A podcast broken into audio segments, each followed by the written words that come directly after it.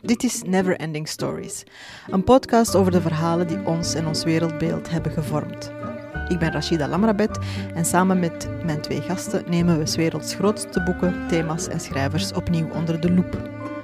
In deze aflevering spreek ik met Christina de Witte en Gaia Schoeters over reizende vrouwen en schrijvende reizigers.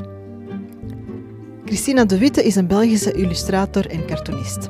Zij is bekend geworden door haar cartoon Frostin. In augustus 2018 kwam in de Verenigde Staten haar eerste boek uit met Frostin in de hoofdrol. The Ultimate Survival Guide to Being a Girl, gericht op opgroeiende tienermeisjes. Later volgde de Nederlandse vertaling Sommige meisjes houden niet van rozen. Christina vertelt persoonlijke verhalen, soms grappige, soms gênante en pijnlijke, maar vooral heel herkenbare verhalen.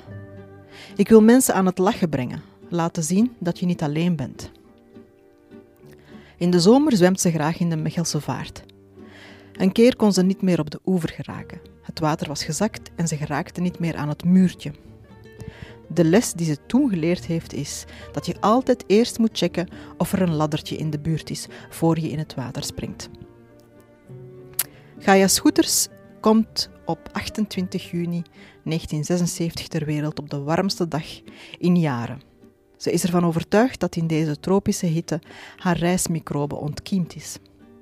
Gaia is auteur, journalist, scenarist en nog zoveel meer. Haar favoriete slogan komt van Peter Pan. I refuse to grow up.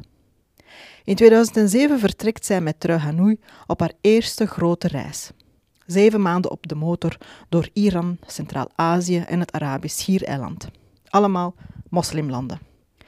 Bij haar terugkomst weet ze niet goed of het haar wereldbeeld is dat veranderd is of haar ogen. Na deze reis debuteerde ze met het reisboek Meisjes, Moslims en Motoren. Later volgden nog de romans Diggers en De kunst van het vallen, en zonder titel. Haar laatste roman, Trofee, gaat over een jager die in een niet nader genoemd Afrikaans land op safari trekt om een van de Big Fives om te leggen. Het boek is genomineerd voor de prijs voor de beste thriller. Welkom. Dank u. Goedemiddag of goedemorgen. Goedemorgen. Morgen. Ja, ik Ja. ben dus super blij dat wij hier aan deze tafel zitten vandaag om het te hebben over reizende vrouwen. Het is wel natuurlijk een heel eigenaardig moment in de geschiedenis om te praten over re- reizen terwijl de wereld in de greep zit van een pandemie die onze bewegingsvrijheid aan banden legt. Maar we mogen dromen en we mogen praten. En bij reizen en wegvliegen begint het toch ook altijd bij dromen en verbeelden. Ik moet bij dit onderwerp vooral eh, heel erg denken aan eh, Fatima Mernissi, de Marokkaanse sociologe, schrijfster en feministe.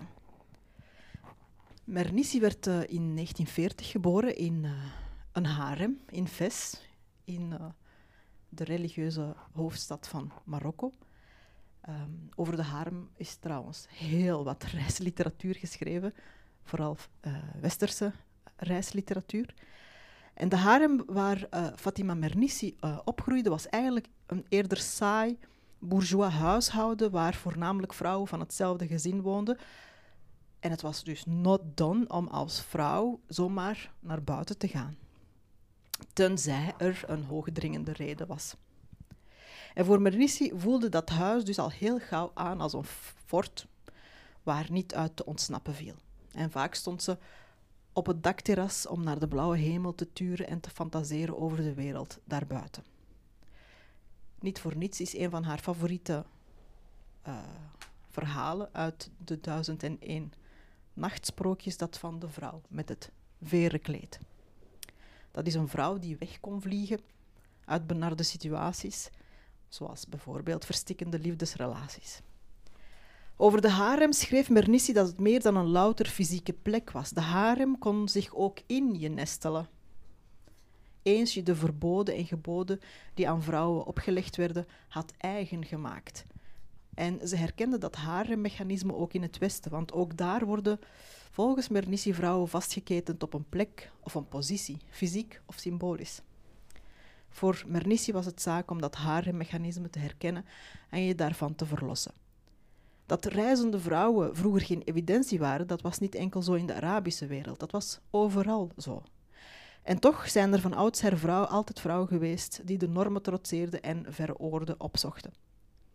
Sommigen helemaal alleen, en ik denk bijvoorbeeld aan de vrouwen die als pelgrim naar Jeruzalem trokken vanuit Europa, tijdens de middeleeuwen vooral. Sommigen schreven daar zelfs boeken over, zoals de Engelse Marjorie Kempe en haar boek uh, The Book of Marjorie Kempe uit de 15e eeuw. Waren ook heel wat Victoriaanse edeldames die het heerlijk vonden om bijvoorbeeld naar Azië te trekken om er bloemen en planten te gaan tekenen. Mernissis grootmoeder, die ongeletterd was en nooit een voet buiten de harem gezet had, drukte haar kleindochter op het hart om te reizen, omdat reizen de beste manier was om jezelf te leren kennen en jezelf te versterken. Wanneer een vrouw eenmaal de beslissing heeft genomen om haar vleugels te gebruiken, neemt ze een heel groot risico. Maar anderzijds, zei ze, als je je vleugels nooit gebruikt, dan leid je vooral heel veel pijn. En Mernissi sloeg haar vleugels uit. En hoe?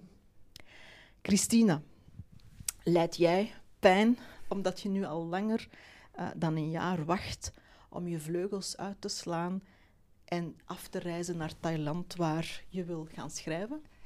Um, ja, maar dat is natuurlijk. Ik spreek vanuit een zeer uh, geprivilegeerde positie wanneer ik zeg dat ik gewoon aan het wachten ben tot als uh, Miss Corona uh, zegt van het is goed nu. Um, maar het is wel een soort van tekort of iets dat ik mis. In die zin is dat wel een soort pijn. Maar ik heb ook heel veel geduld. Dus op zich kan die pijn wel voorlopig gesust worden. Ja. En hoe sus je dan die pijn? Veel praten met uh, ook Thaise mensen. Omdat dat hetgeen is dat mij toch nog het dichtst mogelijk brengt van op een verre afstand. Uh, Thais koken helpt ook wel. Um, ik heb gisteren effectief voor het eerst Thais gesproken in de Thaise winkel in Antwerpen. En dat was zo'n big win voor mij. um, zeker omdat die vrouw achter de kassa ook in het Thais antwoordde. Dus dan wil dat wel... En je begreep dat? Ja, ja, en dat was, heel, dat, was heel, uh, dat was een heel emotioneel moment voor mij, omdat ik moet mij ook overzetten over die barrière van, um, van Thais te spreken als ik het effectief wil gaan doen, in real life, in Thailand effectief, dat ik het ook hier moet durven. Ja. Ja, dus dat brengt me wel een beetje dichterbij. Dichter bij je doel. En je zegt, ik moet daar zijn in, in Thailand om, om, om dat verhaal te schrijven. Je, je kan het hier niet schrijven. Nee, het lukt niet. En dat is echt iets persoonlijks. Dat, dat, dat is niet um, omdat ik het niet kan verzinnen of zo. Het is, het, is een, het is een fictieverhaal, maar ik moet ten eerste voor de uh, realiteit min of meer deftig te kunnen weergeven, goed zien hoe dat het eruit ziet, want ik, ik teken dat vooral. Dus de, de scènes en de, de achtergronden en de locaties moeten gewoon min of meer accuraat zijn. Um, maar ook de verhalen die ik wil brengen, kan ik, kan ik onmogelijk hier op een, op een eerlijke manier brengen.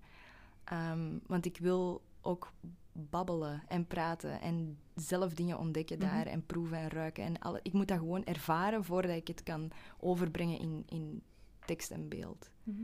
Ga je, heb je dezelfde behoefte om, uh, als je aan iets wil beginnen dat zich niet hier afspeelt, om dan effectief ook naar daar te gaan?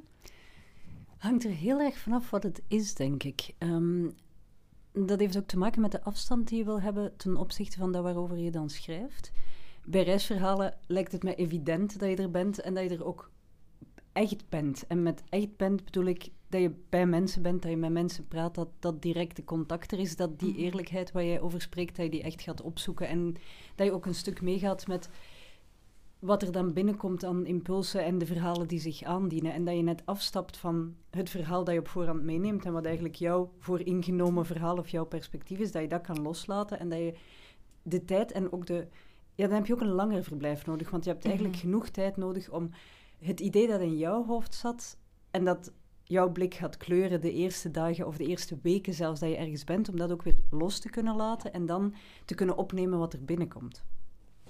Bij andere boeken, en dan zeker bij fictieromans, is het soms net makkelijker Mhm. als die afstand groter is. Omdat je vanuit een bepaald perspectief en vanuit het perspectief van een bepaald personage gaat kijken naar hoe je personage een land ziet. En ja, bijvoorbeeld in Trofee kijk ik heel bewust door de white gaze Mhm. van een witte Amerikaan naar Afrika. En eigenlijk niet eens naar Afrika, maar naar zijn illusie, zijn Mhm. projectie van Mhm. Afrika. En ik denk als ik dat boek zou hebben geschreven terwijl ik daar was, dat mijn eigen ervaring misschien in de weg zou hebben gelopen van de blik van het personage. Nu, het kon ook niet, want het was corona. Ja. Nee, je bent dus niet afgereisd voor trofee naar een Afrikaans land of waar, een land waar safaris worden georganiseerd.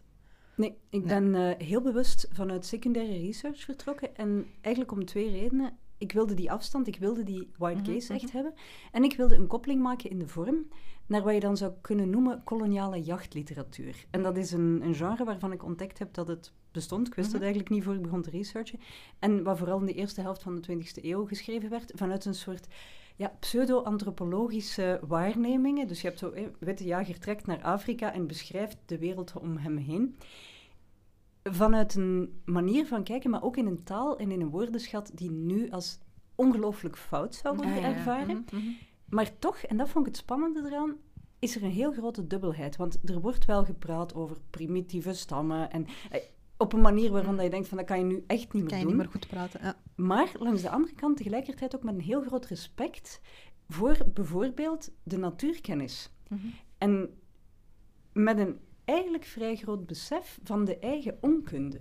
En dat vind ik dan weer heel spannend, dat je die dubbelheid daar toch al voelt van hé, hey, ik kan eigenlijk heel veel leren van ja, hoe het hier zit met fauna en flora en Mhm. jacht en al dat soort dingen. En tegelijkertijd vanuit een soort westers meerderwaardigheidsgevoel van ik neem twintig dragers en die sleuren mij de foie gras de berg op, want ik wil toch mijn toastje met foie gras vanavond. En die spanning vond ik interessant. Ja. En daarom ben ik eigenlijk van... Omdat eigenlijk, en dat is dan het trieste, nu, 2021, Mm. in veel safari-bedrijven, dat je nog altijd diezelfde dubbelheid ja. terugvindt. Ja. Ik zal nog een stukje voorlezen uit Trofee. En ehm, we zitten ergens midden in Hunters eerste jachtexpeditie. Hij heeft het voorzien op een neushoorn. En ze hebben kamp opgeslagen in de savanne. Dat Hunter per se onder de blote hemel wil slapen is geen kwestie van nostalgie. Al wordt ook hij, dat beseft hij maar al te goed, net als elke Afrika-jager ten dele gedreven door een soort van romantische heimwee naar een vrij en onbevangen leven in een wild en ongerept continent. Een droombeeld dat al lang niet meer bestaat. Nee, hij wil het vooral omdat het hem scherp houdt en ervoor zorgt dat hij met al zijn doorzettingsvermogen achter het wild aangaat. De luxe van de lodge maakt hem lui. Het buitenslapen daarentegen maakt een oud instinct in hem wakker, een drang het wild te vinden voor het hem vindt. Alsof het een kwestie van overleven is, een drang tot jagen ook, die hij, als hij volledig verzadigd zou zijn, met genoeg voedsel en slaap en een goed glas wijn, nooit zo urgent zou voelen.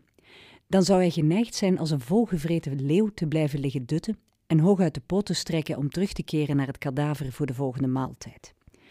De ongemakken van het kamperen en de ontbering die erbij hoort, geven hem het gevoel dat hij zijn prooi bejaagt uit noodzaak. En niet gewoon als trofee. Diep van binnen weet hij dat dat onzin is. Een geconstrueerde authenticiteit waar niks authentieks aan is. Hij hoeft niet waakzaam te zijn. Er kan hem niets overkomen, want de trackers zullen vannacht beurtelings de wacht houden. En honger zal hij evenmin lijden, want in de jeep ligt genoeg voorraad voor een week. Zelfs van milde ontwenning zal geen sprake zijn, want iemand zal morgenochtend koffie voor hen zetten. Ethiopische mokka wellicht, want Van Heren vindt luxe en authenticiteit volstrekt verenigbaar. Toen Hunter er een keer tegen geprotesteerd had, had hij de discussie afgebroken met het argument dat ze in vergelijking met de jagers uit de koloniale tijd armoezaaiers zijn, allemaal. En dat het feit dat de Engelsen bij hun eerste expedities op de Mount Everest foie gras en gevulde kwartels de berg op hadden gesleept, hun beklimming niet minder heroïs maakte. Hunters avontuur is een illusie. Maar een illusie waarin je oprecht gelooft, is vaak aantrekkelijker dan de werkelijkheid. Op die wetmatigheid is ook zijn fortuin gebouwd. Net als dat van Van Heren, want ook beroepsjagers zijn handelaars in illusies. Hun succes hangt minder af van het aanleveren van het juiste jachtwild dan van het optimaal enseneren van de Afrikaanse droom van hun klanten.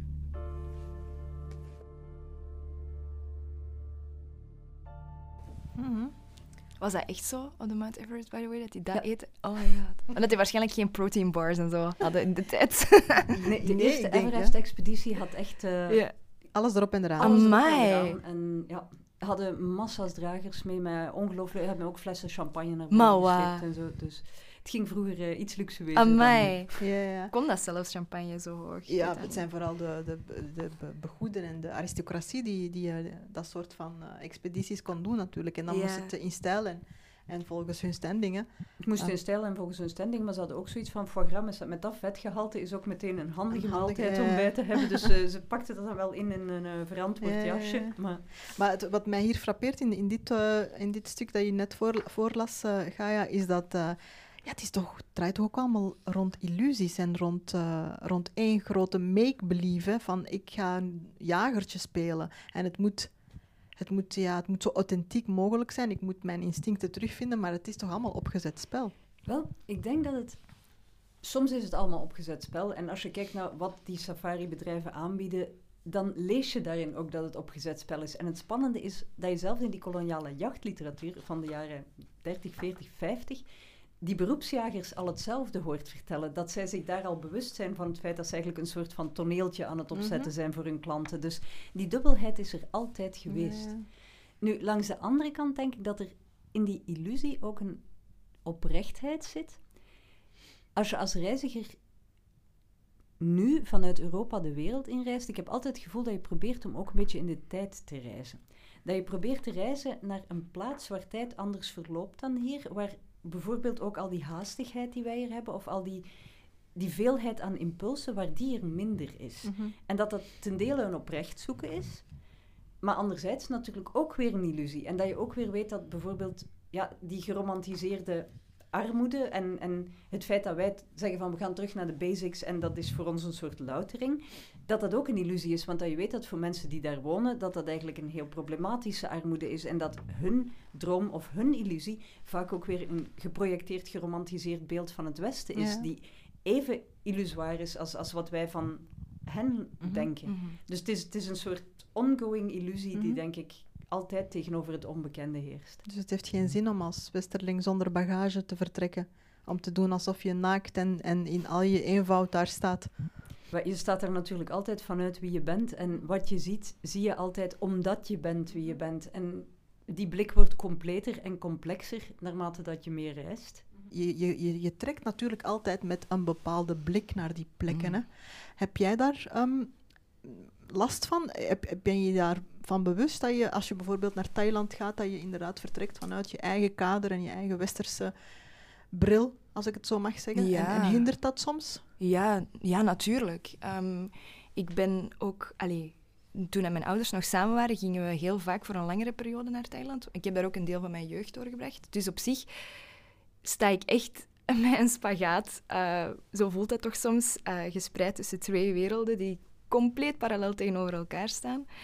Ehm, dus ik heb wel inderdaad het geluk gehad dat ik wel met beide culturen ben, ben opgegroeid. Maar ik kan niet ontkennen dat elke keer als ik er aankom, dat ik mij toch moet aanpassen, precies. Ehm, ik moet mij aanpassen aan de normen, de, de, de traditionele waarden, eh, de manier van doen. Ehm, Gelukkig heb ik dat wel voor een deel meegekregen van thuis uit. Mijn mama is ook zeer eh, boeddhistisch. Dus op zich vind ik dat wel heel fijn om dat, om dat, om dat deel eh meegekregen te hebben. Maar het is... Helpt je om... Ja. ja, ja, het helpt mij om de dingen daar als normaal ook te aanschouwen. en te begrijpen. Ja, Ja. ja. en ook de manier van leven en hoe dat mijn mama ons heeft opgevoed, zorgt er wel, zorgt er wel voor een deel voor hoe, wie dat ik vandaag ben. Maar het, het neemt niet weg natuurlijk dat ik voor de rest van de tijd gewoon in België eh, leef en werk. Dus tuurlijk, tuurlijk is dat door een andere bril dan de gemiddelde Thai. Ja. Ehm, maar het heeft mij wel enorm geholpen, ook met het, met het accepteren van dat, dat ik ook hier nooit met een volledige witte bril zal kijken naar hoe dat alles hier Mhm. gaat. Mhm. Dus het is echt, het is echt die, die spreidstand tussen de twee cliffs, zeg maar. En er zijn er heel veel. Er Ja. zijn er heel veel die dat ertussen vallen. Ja. En dat is een aparte, een aparte ervaring op zich. Mhm. Ja. Gaia, jij hebt ehm, toen je je reis ondernam in 2007 ehm, met uh, Trui Hanoi ehm, door de islam, een deel van de islamitische wereld, ja, ben je eigenlijk ook bewust vertrokken om, om, om met je eigen ogen te gaan zien hoe die islamitische wereld of dat deel van de islamitische wereld eruit ziet. Hè? Je was niet blij met, of je, je, kon, je was niet, je stelde je niet tevreden met, met wat je ervan te horen kreeg in de pers en, en hier. Nee, we zijn toen heel erg vertrokken vanuit de gedachte, als we over al die moslimlanden iets horen, dan is het eigenlijk altijd slecht nieuws. En dat heeft niet zozeer dan iets te maken met het feit dat islamlanden zo worden bekeken, maar met het feit dat nieuws nu eenmaal gemakkelijker focust op slecht nieuws. Dus heel vaak gaat het dan over Mhm. fundamentalisme, het gaat over aanslagen, het gaat over ja, de positie van de vrouw in de islamitische wereld. Maar wat je heel zelden te horen krijgt, zijn de, de kleine verhalen van bijvoorbeeld als je naar Iran kijkt, wat doet de gemiddelde 25-jarige Iraanse vrouw op dinsdagmiddag? Ik vind dat een spannende vraag.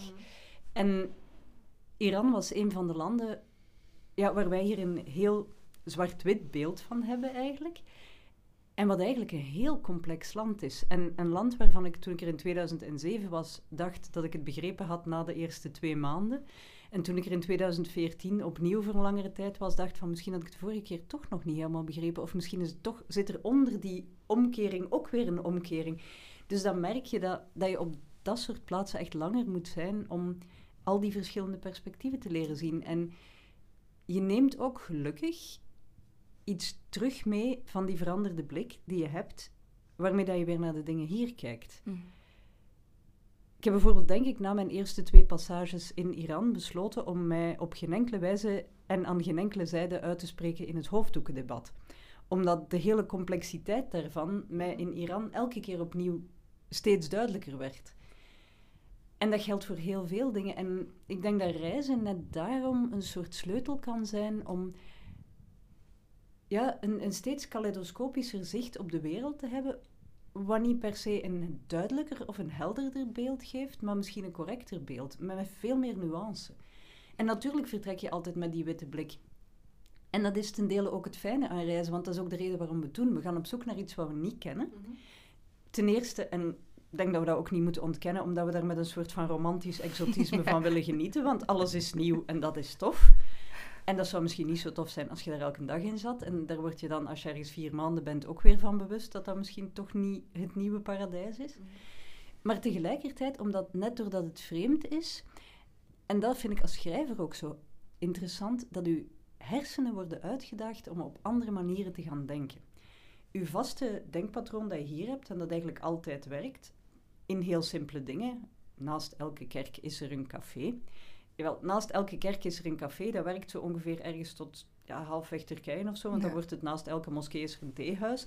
Maar eens dat je wat verder komt, beginnen zelfs die dingen te veranderen. En, en beginnen stadstructuren te veranderen. eh, patronen beginnen te veranderen. En dus word je in alles opnieuw uitgedaagd om... Ja, ik denk letterlijk nieuwe verbindingen te maken in je hersenen. Wat maakt dat je ook hier out of the box weer anders naar dingen kan gaan kijken. Mhm. En dat is voor mij het interessante aan reizen. Dat je dat als een soort van ja, hersengymnastiek blijft doen of zo. De voorwaarde is dan wel dat je ja, lange tijd eh, op een bepaalde plek bent en dat je ook echt wel met de mensen praat, dat je Ja. contact hebt met de mensen. Is dat een, een, een belangrijke eh, voorwaarde om inderdaad te, te, anders te leren kijken en, en denken? Ja, absoluut. Ik denk, ehm, ik wou heel graag een, een, een soort van documentaire maken over bijvoorbeeld vrouwen die daar in zo van die go-go-bars eh, dansen en, en gewoon s'avonds naar huis gaan en hun eigen gezin hebben. Omdat wij hier in het Westen heel vaak een heel verkeerd, of nee, een oneerlijk beeld hebben of een, een inaccuraat beeld hebben over Thailand aan zich en de hele eh sekstoerisme-wereld en zo. Dat lijkt mij, die underground-wereld lijkt mij zo interessant om te onderzoeken. Ehm, maar je hebt gewoon nu eenmaal niet zomaar gemakkelijk toegang. Ehm, zeker als je de taal niet spreekt. Zeker als je ehm, als, een, als een bedreiging wordt aanschouwd. Als je als een, een, een eh, intruder, een, hoe zeg je dat in het Nederlands? Eh, ja, zwart. Een inbreker? Of Ja, een inbre ja, zo iemand die dat hun veilige, allee, veilige eh, plek komt eh invaden. Ehm, dat is nu eenmaal een gesloten wereld, maar die spreekt mij zo hard aan. Ehm, ik, heb, allee, ik heb al veel, eh, een aantal documentaires gezien, maar ik wil heel graag de mijne daar rond nog maken, ooit. Dat is een, dat is een van mijn dromen. Maar daarvoor moet je de taal spreken. En ehm, zeker als je een, een, een vertrouwensband wil wekken met die, met die meisjes en die vrouwen. Ehm, Maar ook jongens en mannen. Eh, dus, dus ik ben ermee bezig, maar eh, de enige manier om dat te kunnen doen of die poorten openen, is effectief praten met die mensen. Je kunt niet over hen praten zonder met hen te praten. En dat wil ik ook niet. Dat wil ik ook helemaal niet. Ehm, dan heb ik twee jaar geleden, als ik ging solo reizen naar, naar Thailand, een, een mini-series gemaakt over eh, women I'm, I've met in Bangkok. En dan heb ik gewoon met de, met de super, super, super basiskennis dat ik had van het Thai eh, getekend wat dat hun lievelingsgerecht was. Ehm, dus dan heb ik zo, denk ik, een tiental vrouwen gesproken. En eten in de Thaise cultuur is heel belangrijk. Dus dat is ook een, een, een, een moment om te verbinden. Ehm, zeker als je de taal niet beheerst, laat het dan zijn dat, het, dat je samen eet. Ehm, dus dat was wel iets dat voor mij ook heel verrijkend werkte en, en mij enorm hard inspireerde om die documentaire nog verder te maken. Want het- specifiek ging het natuurlijk ook over vrouwen die vanuit een moeilijke positie of vanuit ruraal Thailand naar Bangkok zijn getrokken om te komen werken en om geld te sturen naar hun familie in het rurale gebied. Maar dat zijn ook maar gewoon mensen Mhm. die misschien inderdaad uit een, uit een heel eh, gevaarlijke positie of situatie zijn ontsnapt en nu student zijn Mhm. aan, ehm, aan een school waar dat ik ook hele goede connecties mee heb. Maar dat zijn vrouwen, allez, meisjes en vrouwen tot van, van 18 tot 88 bij wijze van spreken. Maar hun verhalen vind ik het interessantst. En dat kan de stereotypen ontkrachten, want er zijn inderdaad Ja. stereotypen hè, over de, Absoluut. de ander, zo gezegd. Hè. Ja. Ehm, ik, ik had in het begin ook gezegd van over die harem bijvoorbeeld Mhm. is er ook heel wat eh, geschreven geweest. O- niet in het minst door eh, aristocratische Engelse dames die eh, in het zog van hun man dan naar, naar het eh, Turkije van, van eh, het Ottomaanse Rijk trokken eh, en daar dan ehm, ja, toegang kregen tot, tot, tot zogenaamde harems en daar dan sappige boeken over schreven. Dat voedt natuurlijk wel een heleboel stereotypen en clichés. En je, je ziet dat ehm, ehm, ja, reizigers die, ja, 18e, in, die in de 18e eeuw, 19e eeuw vertrokken naar, naar al die plekken, toch ook een soort van een blauwprint maakten van die plekken en van, van die Mhm. mensen, die, die tot op de dag van vandaag ook doorwerkt natuurlijk, hè, in, die, eh, in de blik die men dan heeft over de ander. Is dat, is dat een... eh, is dat een, een, een gevaar dat, waar je je zo zelf ook heel erg van bewust bent? Dat, dat je inderdaad die stereotypen kan gaan bevestigen of versterken? Of, of, of ben, je, ben je daar op de een of andere manier heel erg bewust mee bezig? Of, of net niet?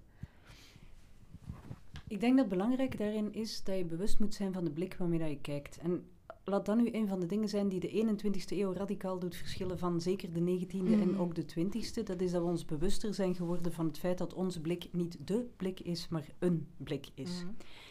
En dat je, dat je ook be- bewust bent van de beperkingen waarmee dat je kijkt. En tijdens Meisjes, Moslims en Motoren hebben wij dat, of tijdens die reis, hebben wij dat duidelijkst gevoeld op het moment dat wij Jemen binnenreden, wat helemaal niet het plan was, want dat stond niet in onze oorspronkelijke route, dat was een, eh, ja, een ongelukje, zeg maar. Mhm. En geen van ons tweeën sprak Arabisch. Mm. En plots werden wij geconfronteerd met een land waarin dat we de eerste tien dagen dat we daar doorreden eigenlijk niks van begrepen. Want er kwam een heleboel visuele informatie op ons af. En heel dikwijls ging dat over stomme dingen. Bijvoorbeeld, we zagen allerlei posters met symbolen. En die symbolen kwamen alsmaar terug. En die posters hadden verschillende kleuren. En het heeft ontzettend lang geduurd voordat we doorkregen dat er lokale verkiezingen waren. En dat het eigenlijk Mm. verkiezingsaffiches waren. Zodanig dat in streken waar veel analfabetisme is, mensen aan de hand van die symbolen hun partij Ja. kunnen herkennen. Dat soort dingen, zelfs dat soort basisinformatie, ja, daar kom je dan achter als een soort raadsel. Je interpreteert dat, je denkt, nu heb ik het juist. En wij konden het dan na tien dagen of zo, vonden we iemand die Engels sprak en waarbij dat we konden checken van, hebben we het nu juist geïnterpreteerd? Maar dat had net zo goed iets compleet anders Ja. kunnen zijn. Dat had ook, weet ik veel, een, een of andere lokale ehm, wedstrijd kunnen zijn. Of, of, dus veel van die dingen als je bewust bent van het feit dat jouw manier van kijken maar een manier van kijken is, dan denk je, ik moet dit checken en klopt dit wel en klopt wat ik zie. Mhm. Ik denk dat heel lang, en zeker in de 19e eeuw, er gekeken werd van, er is zoiets als de wereld, ik kijk daarnaar, ik interpreteer en mijn lezing is de lezing. Mhm. En daarin zit denk ik het gevaar. Mhm. Ik ga akkoord. Ja, ik wou gewoon...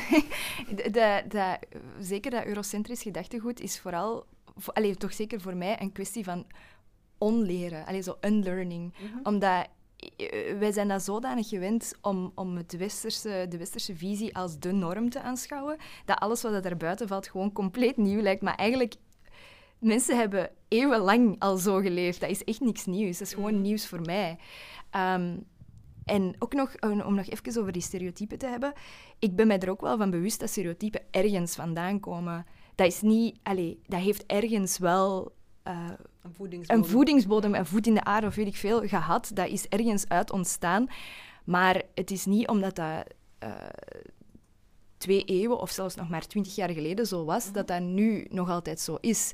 En dat is ook zo de, de, de snel evoluerende wereld waarin wij leven.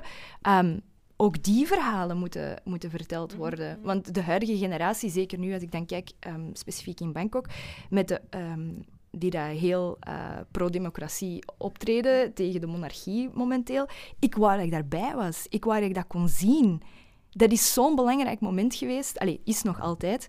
In de geschiedenis, in de moderne geschiedenis, dat ik denk van, ik, ik heb zoveel spijt dat ik daar niet bij kan zijn, dat ik dat zelf kon zien, dat ik dat zelf kon meemaken, hoe dat, dat is om, om zodanig te protesteren in een land als Thailand. Want dat gebeurt niet vaak. Mhm. Dus, ja. Jammer van eh, corona Ja, natuurlijk. echt. hè. Echt spijtig. Anders had je dat moment ook kunnen eh, meemaken. Gaia, jij hebt eh, Persepolis meegebracht. Wel, ik heb Persepolis gezocht en niet gevonden. Niet Oh? God, Het is al Oh. niet min... eh, ja, voor mij was dat op het moment dat we naar Iran zouden afreizen. Trui was al eerder in Iran geweest, dus Trui had zoiets van, ik ben met Iran helemaal chill. Ik was met Iran toch net iets minder chill, zo toch ergens vanuit mijn onderbewuste. En Persepolis was mijn inleeslectuur om een beeld te krijgen van hoe zit het eigenlijk met dat land, hoe zit het met de geschiedenis van dat land ook. Een heel complexe geschiedenis is. En het interessante daaraan vind ik ook weer dat het een boek is dat geschreven is vanuit een vrouwelijk perspectief. En tegelijkertijd vanuit een vrouw die op dat moment ook al langere tijd in Parijs woont. Dus die ook weer met een zekere afstand, maar ten dele van binnenuit en ten dele van buitenuit Mhm. naar Iran gaat kijken. Dus je krijgt daar ook alweer twee met Ja, elkaar de- botsende de, de, de perspectieven. spreidstand waar Mhm. Christina Ja. het over had.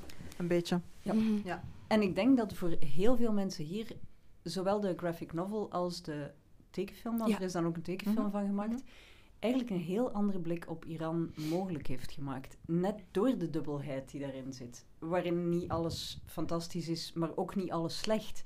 En ik vond dat een heel, ja, een, ik vind graphic novel sowieso voor dat soort dingen een heel interessant medium, omdat het, het geeft iets visueel, maar het is in zekere zin persoonlijker dan, of ja, misschien niet persoonlijker, maar toch gemakkelijker persoonlijk dan fotografie, omdat het, het gaat door de maker heen. Het is iemands ja. blik die weer wordt gemaakt. Het is Dat is met ook, ehm, fotografie natuurlijk ook zo, mhm. maar toch, toch anders. Het is ook een stuk eh, autobiografisch, eh, geloof ik. Ja, het is haar verhaal Ja, ja. eigenlijk dat zij grotendeels vertelt. En dus ook alweer een gekleurd verhaal. Ja. En ik Mhm. vind gekleurde verhalen eigenlijk altijd ten eerste interessanter en in zekere zin ook betrouwbaarder dan objectieve verhalen. Omdat de objectiviteit van het objectieve ik toch nooit helemaal vertrouw. Nee. Dus dan heb ik liever dat iemand zegt, dit ben ik. En vanuit deze eigenheid vertel ik u dit. Mhm. Zodanig dat ik weer weet vanuit welke hoek ik kijk. Ja, Mhm. nice. Christine, jij hebt eh, ook een graphic Ja. novel mee. Toevallig. nee, Kokoro. Kokoro, ja. Dus- En vertel daar eens iets over, want dat is ook wel een belangrijke voor jou. Ja, ehm, het, is een, het is geschreven door Christine Mari. En zij is eigenlijk... ehm, het, is, ja, het is kapot gegaan in de post eh, naar hier, dus ik heb er even een tapeje over geplakt.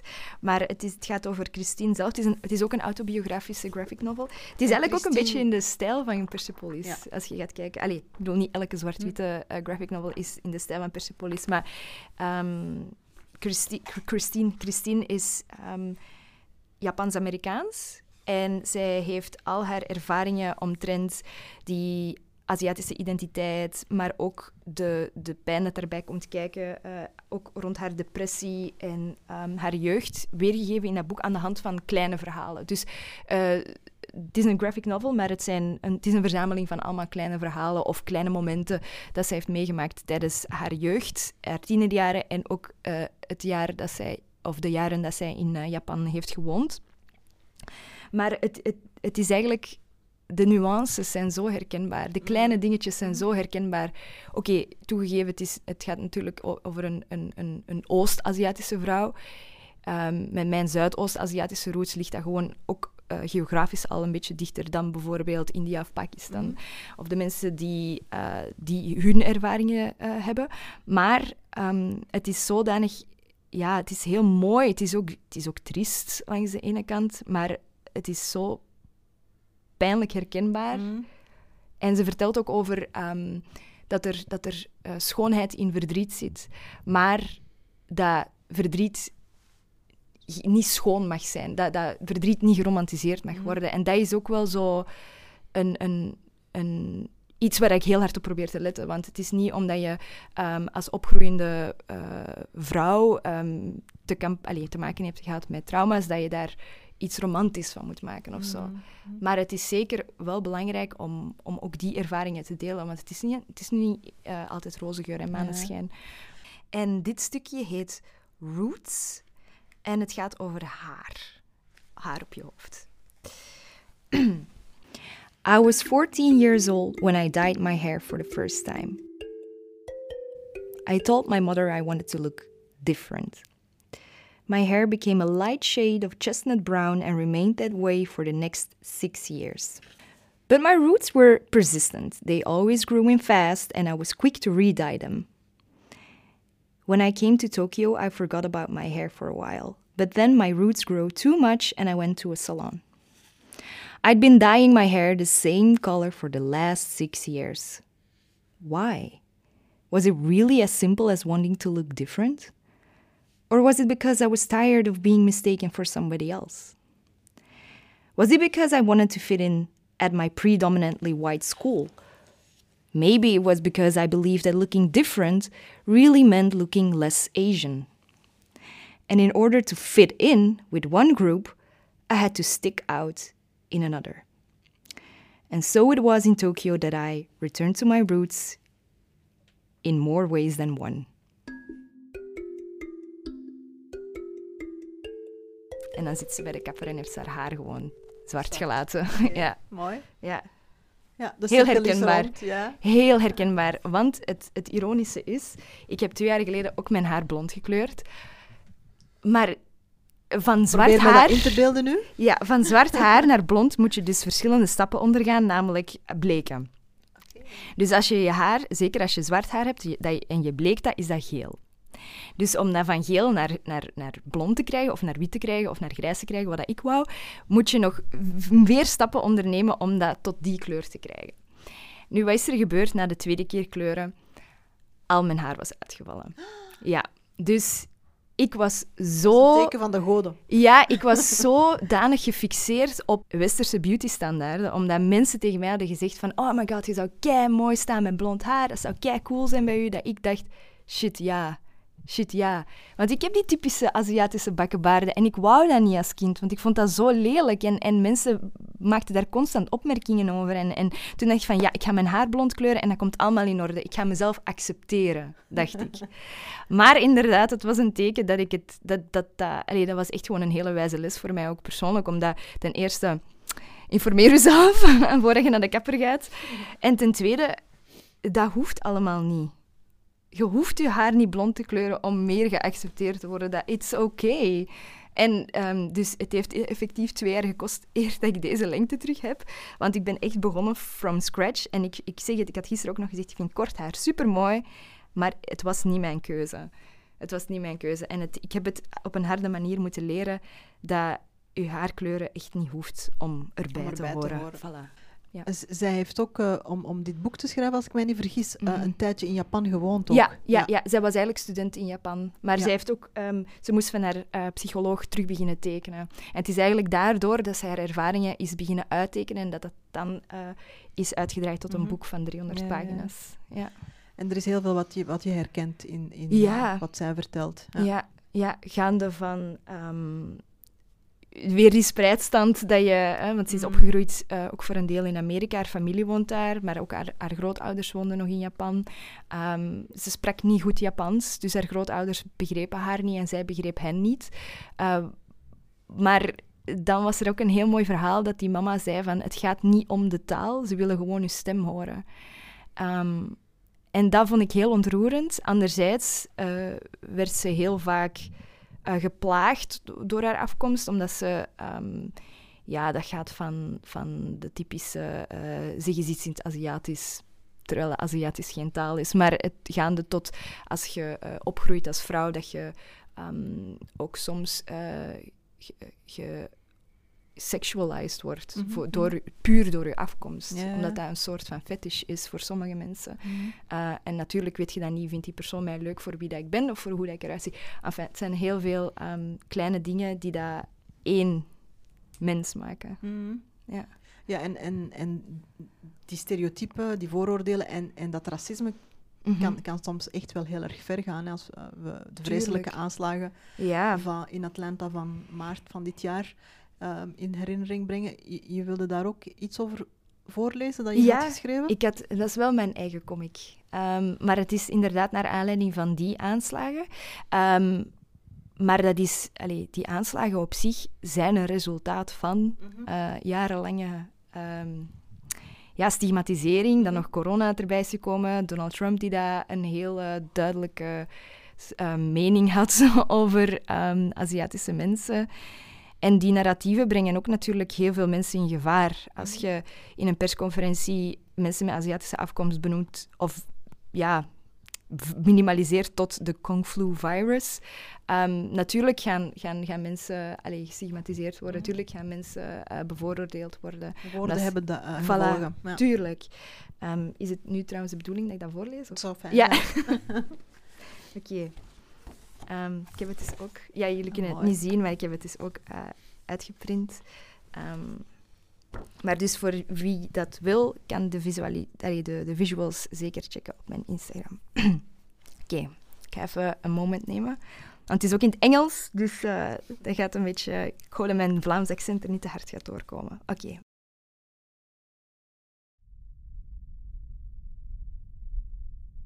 I chose to ignore it first. Be quiet, and focus. When you're too occupied with work, you're too busy to feel things, right? Right. But you know what they say when it's pouring in the US, it starts drizzling in Europe. Soon enough, you realize it didn't start drizzling just now. It started when they mocked you for your smelly lunchbox, when they pulled back their eyelids saying you all look alike. It started when they laughed at you and you laughed with them, seeking approval from others that call themselves friends. It started when your teen body got either way fetishized or extremely dehumanized. It started with you're my first Asian and I only or never date Asians rhetorics, coming from those who call themselves lovers. It started with the times you've been tokenized, when you've been weaponized against other people with the model minority myth. It's all the times you've been called the Kung Flu virus. It started when you were thought to be reserved, be small, be grateful, and moreover, be quiet. It started so seemingly innocent. But when is it gonna stop?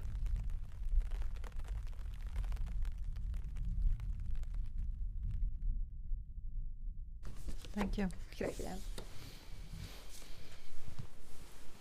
Daar ben ik een klein beetje stil van nu.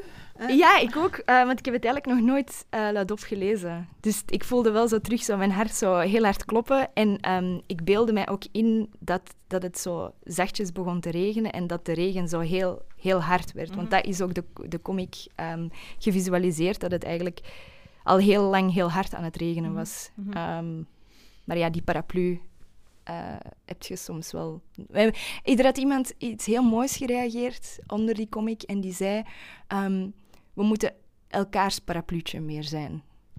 Mm. En dat vond ik wel Ja, heel mooi. mooi. Ja, Ja, ja. ja, En Dus- het moet gewoon een keer ophouden met regenen. absoluut. Ja. Absoluut. Dankjewel. Heel graag gedaan. Om even terug te, te keren naar ehm, Fatima Mernissis grootmoeder. ehm, die eh, zei dus niet alleen maar van als je je vleugels niet uitslaat, dan gaat het heel erg veel pijn doen. Maar als je je ze wel uitslaat en wel vliegt, dan eh, stel je jezelf ook heel erg bloot aan, aan, aan gevaar. Zeker als vrouw. Als je als vrouw beslist om, eh, om de wijde wereld in te trekken, alleen of in gezelschap, dan is dat toch anders, denk ik, dan eh, Hm.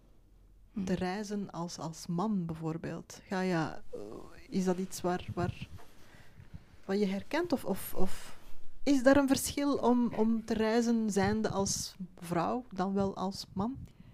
Wel, er is absoluut een verschil. En dat is een verschil dat je heel moeilijk kan ontkennen. En dat is een verschil dat je aan mannen ook heel moeilijk uitgelegd krijgt.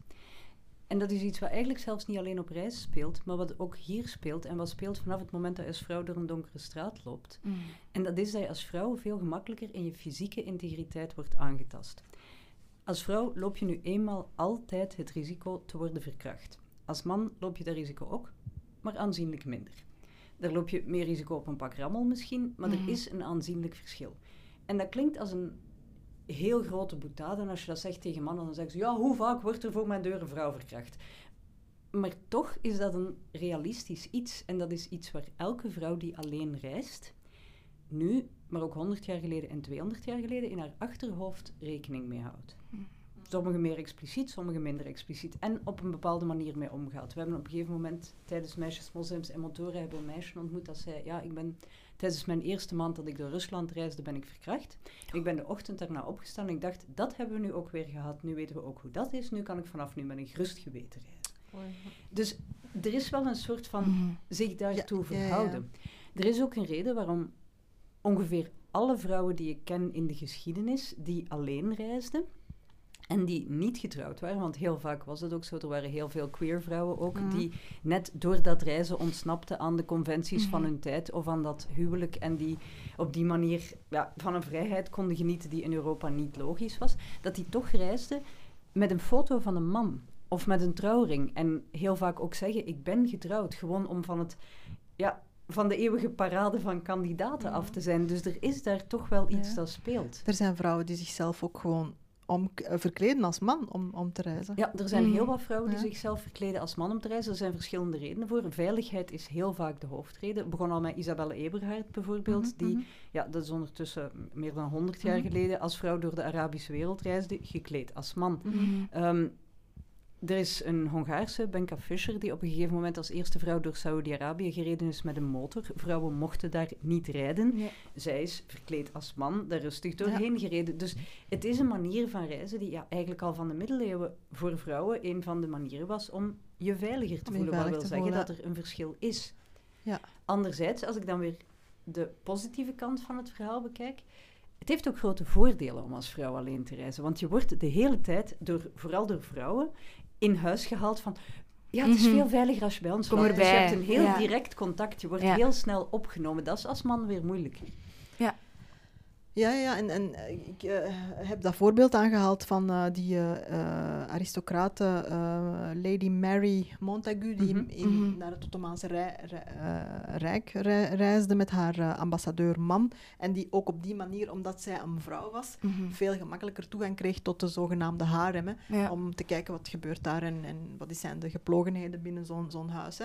Ehm, je hebt natuurlijk ook vrouwen die, ehm, wanneer zij die stap doen eh, en, en eigenlijk een beetje de normen uitdagen, dat die eigenlijk niet meer als volwaardige vrouw worden gezien. Hè. Dat dat een soort van halve mannen Wel, werden, Je hebt de eh, als halve mannen werden bejegend. Hè. Wij zijn echt de hele reis, en zeker als je dan nog met een motor reist, dat begint eigenlijk al in Italië. Hè. Je stapt van een motor, dus je bent een man, en dan doe je helm af en iedereen is verbaasd. Ja. Ja, ja, ja. Maar je krijgt heel makkelijk, en dat is het mooie eraan, die dubbele toegang. Ja. Je bent Mhm. welkom in de vrouwengemeenschap, Want je bent tenslotte een vrouw, maar je bent ook welkom in de mannengemeenschap. Want de nieuwsgierigheid is dan toch altijd groter dan de sociale Mhm. conventie. Mhm. In Jemen is het ondenkbaar voor een Jemenitische vrouw dat die in een café binnenkomt of in een restaurant zelfs binnenkomt.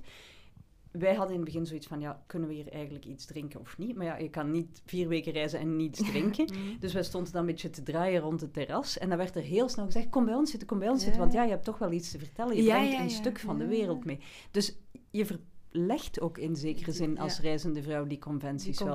Maar dat is een ja. luxe die je hebt als witte Mhm. Ja, ja, dat is inderdaad een Mhm. privilege hè, om, om, om zo te kunnen, te kunnen reizen. Ik weet nog, eh, in de eind jaren tachtig, toen, eh, toen ik nog op de, ja, op de middelbare school zat, ehm, gingen we dus eh, op schoolreis hè, naar, eh, na- naar een, Europees land. of het nu Engeland was, Frankrijk, ik weet al niet meer wat. En als je geen Belgisch paspoort had, kon je niet mee, want je moest een visum aanvragen. Dus een heel deel van, de, van, van mijn klasgenootjes, inclusief ik mezelf, ja, we konden niet gaan, gaan, gaan ja, deelnemen aan die, aan die schoolreizen, omdat we niet over de juiste Maar ja, dat is eh, nog niet eens zo papieren- lang geleden. Dat is inderdaad nog niet zo lang geleden. Dus je zag een deel van je klasgenoten vertrekken op Ja. schoolreis. En je, je moest dan inderdaad... En dat heeft inderdaad te maken met privilege. Mhm. hè. Niet iedereen kan zomaar de wereld rondreizen. En wij hebben een van de sterkste de- paspoorten ja, van de hele wereld. Dus eigenlijk de hele wereld Mhm. staat voor ons open. Maar eh, heel veel landen in, in Afrika, in Azië, Latijns-Amerika, die, die kunnen daar alleen maar van dromen. Ja, Dus je ziet klopt. inderdaad dat daar ook een discrepantie is of een ongelijkheid. Hè. Mhm.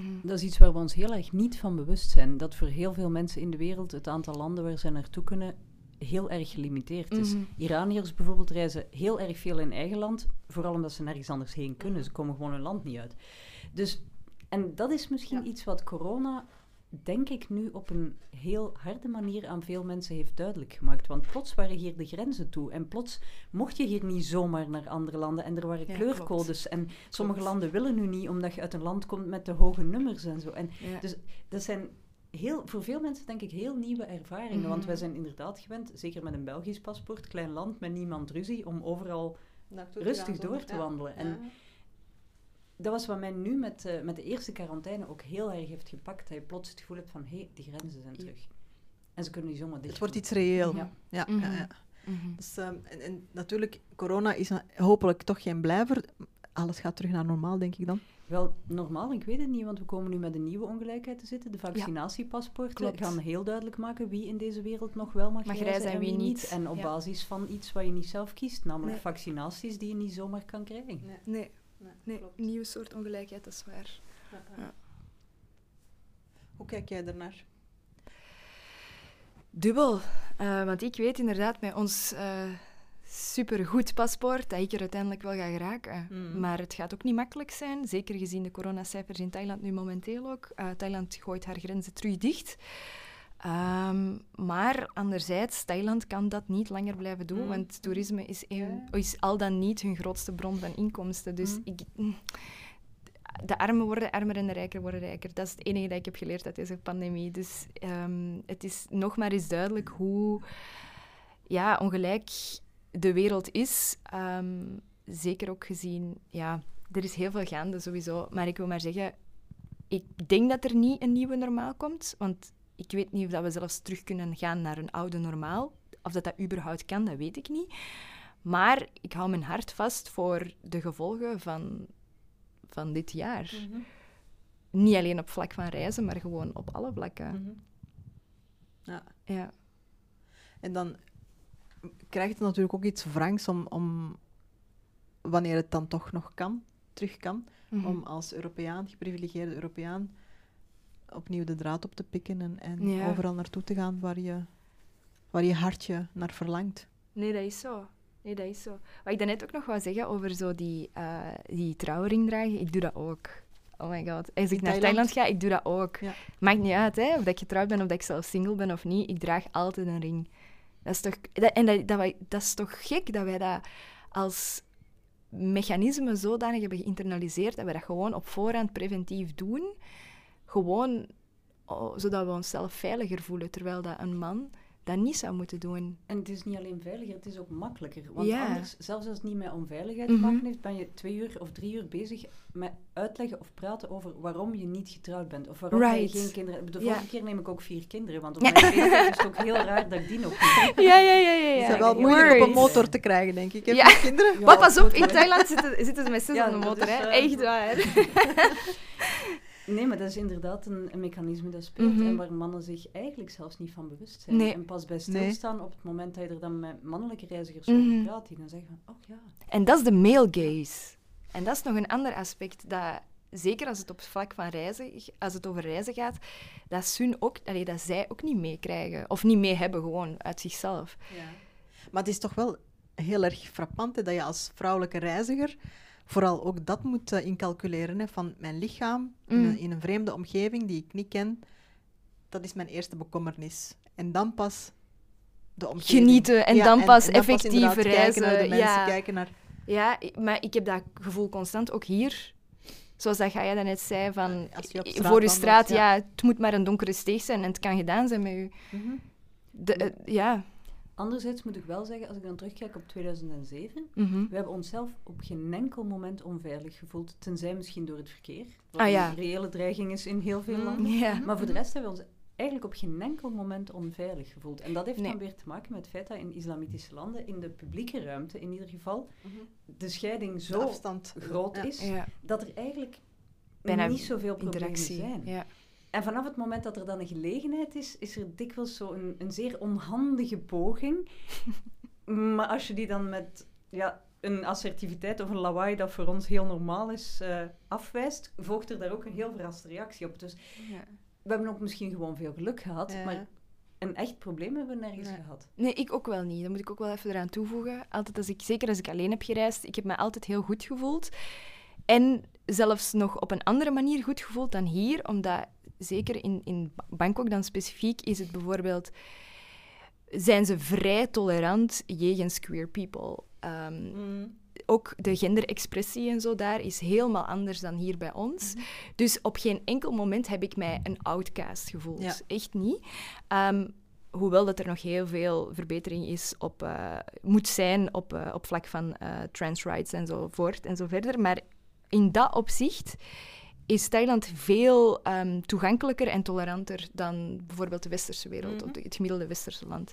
En in dat opzicht eh, is dat ook een hele grote eye-opener geweest voor mij, omdat ik dacht van, zeker, want het is een, het is een religieus land, maar de, de, de religies, de verschillende, er zijn ook heel veel moslims in Thailand Mhm. en zo, dus die, die leven gewoon simultaan naast en met elkaar en dat is gewoon heel interessant om te zien. Zeker ook, ehm, Thailand is nooit gekoloniseerd geweest, dus dat heeft sowieso ook een, een bepaalde invloed gehad op, op de ontwikkeling van dat land. Maar dat, is, dat zijn zoveel aspecten, rijk naast arm, ehm, dat het zo complex en zo gelaagd, maar ook interessant maakt. Mm. En dat is waarom dat ik mij ook super hard aangetrokken voel door dat land. Allee, niet alleen mijn roots, obviously, maar dat dat gewoon zo'n wirwar is van alles.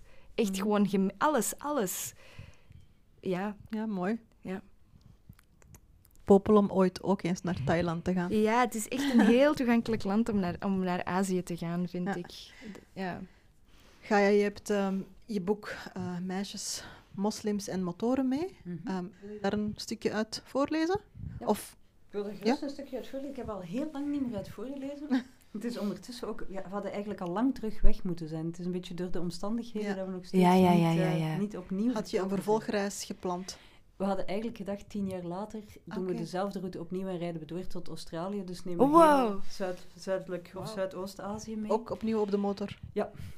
En dat is nog steeds een plan, maar ja, er is nu corona. Hè. Mhm. Dus, eh, dat duurt dus nog wel even. ja. Ik had ergens een stukje gezocht dat net te maken heeft met het feit dat de wereld eigenlijk helemaal niet zoveel veranderd is. Een stukje over Annemarie Schwarzenbach en Ella Maillard, twee vrouwen die in de jaren 30 met een fort naar Kabul zijn gereden samen. En in wiens spoor wij eigenlijk een stuk van deze reis hebben gemaakt. Mhm. En een beetje vanuit de vraag van wat is er nu veranderd op die 70 of 80 jaar tussen die twee reizen en wat niet.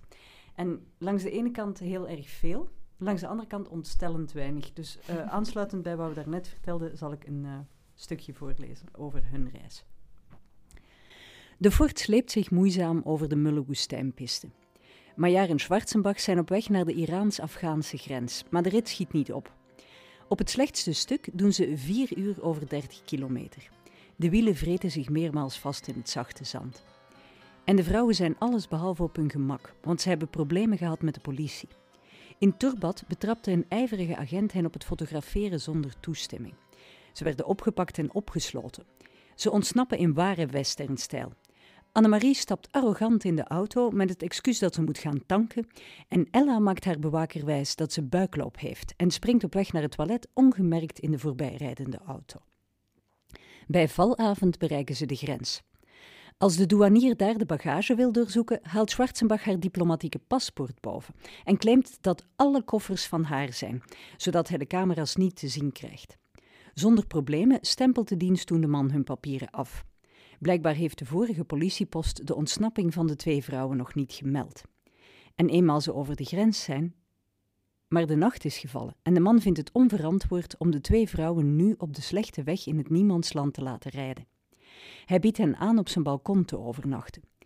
Weigeren is geen optie, dus er zit niets anders op dan liegen. Maillard kijkt hem strak in de ogen. Ik zou ook liever hier blijven, maar onze echtgenoten komen ons ophalen aan de Afghaanse kant van de grens en ik durf mijn man echt geen seconde te laten wachten. Verbijsterd laat de douanier hen door. En ongeveer precies hetzelfde Ja? is ons overkomen toen wij van Iran wilden oversteken naar Keshm, een klein eiland in de Perzische Golf. Waar we ook gestopt werden aan een politiepost en eigenlijk met ongeveer dezelfde smoes gezegd hebben van ja, onze Blijf mannen slapen. wachten ons op en onze mannen zouden het nooit goed vinden dat wij in een politiekantoor met mannen zouden blijven logeren. En dan kom je toch weer met de, ja, de, De stereotypen Ja, en de... de stereotypen en- en- staan ook soms heel erg wel aan jouw Ja. kant. Die moet je dan ook uh, schaamteloos uit. Maar echt, hè? Maar Ook de hulpeloze vrouw is Ja, er een die ja, ik die ja, moet je heel graag uitspelen. ja. en zo kom je zonder kleerscheuren de wereld rond. Dank jullie wel voor dit hele fijne gesprek. Heel graag gedaan. Ja, bedankt. Het, eh, Dank je om ons uit te nodigen. Graag gedaan. Dit was het einde van de aflevering. In deze podcast hoorde je fragmenten uit Kokoro van Christine Mary en Trofee en Meisjes, Moslims en Motoren van Gaia Scooters. Volgende keer hebben we het over escapisme, met als gasten Fatinha Ramos en Nathalie Leblanc. Deze podcast is een initiatief van Rose Stories, in samenwerking met de buren en Vondel CS met de steun van de gemeente Amsterdam-West, het Nederlands Letterenfonds en Literatuur Vlaanderen. Deze aflevering werd geproduceerd door Jelena Schmitz met behulp van geluidstechnicus Paulo Rietjens. Meer informatie over Neverending Stories kunt u vinden op www.rostories.nl.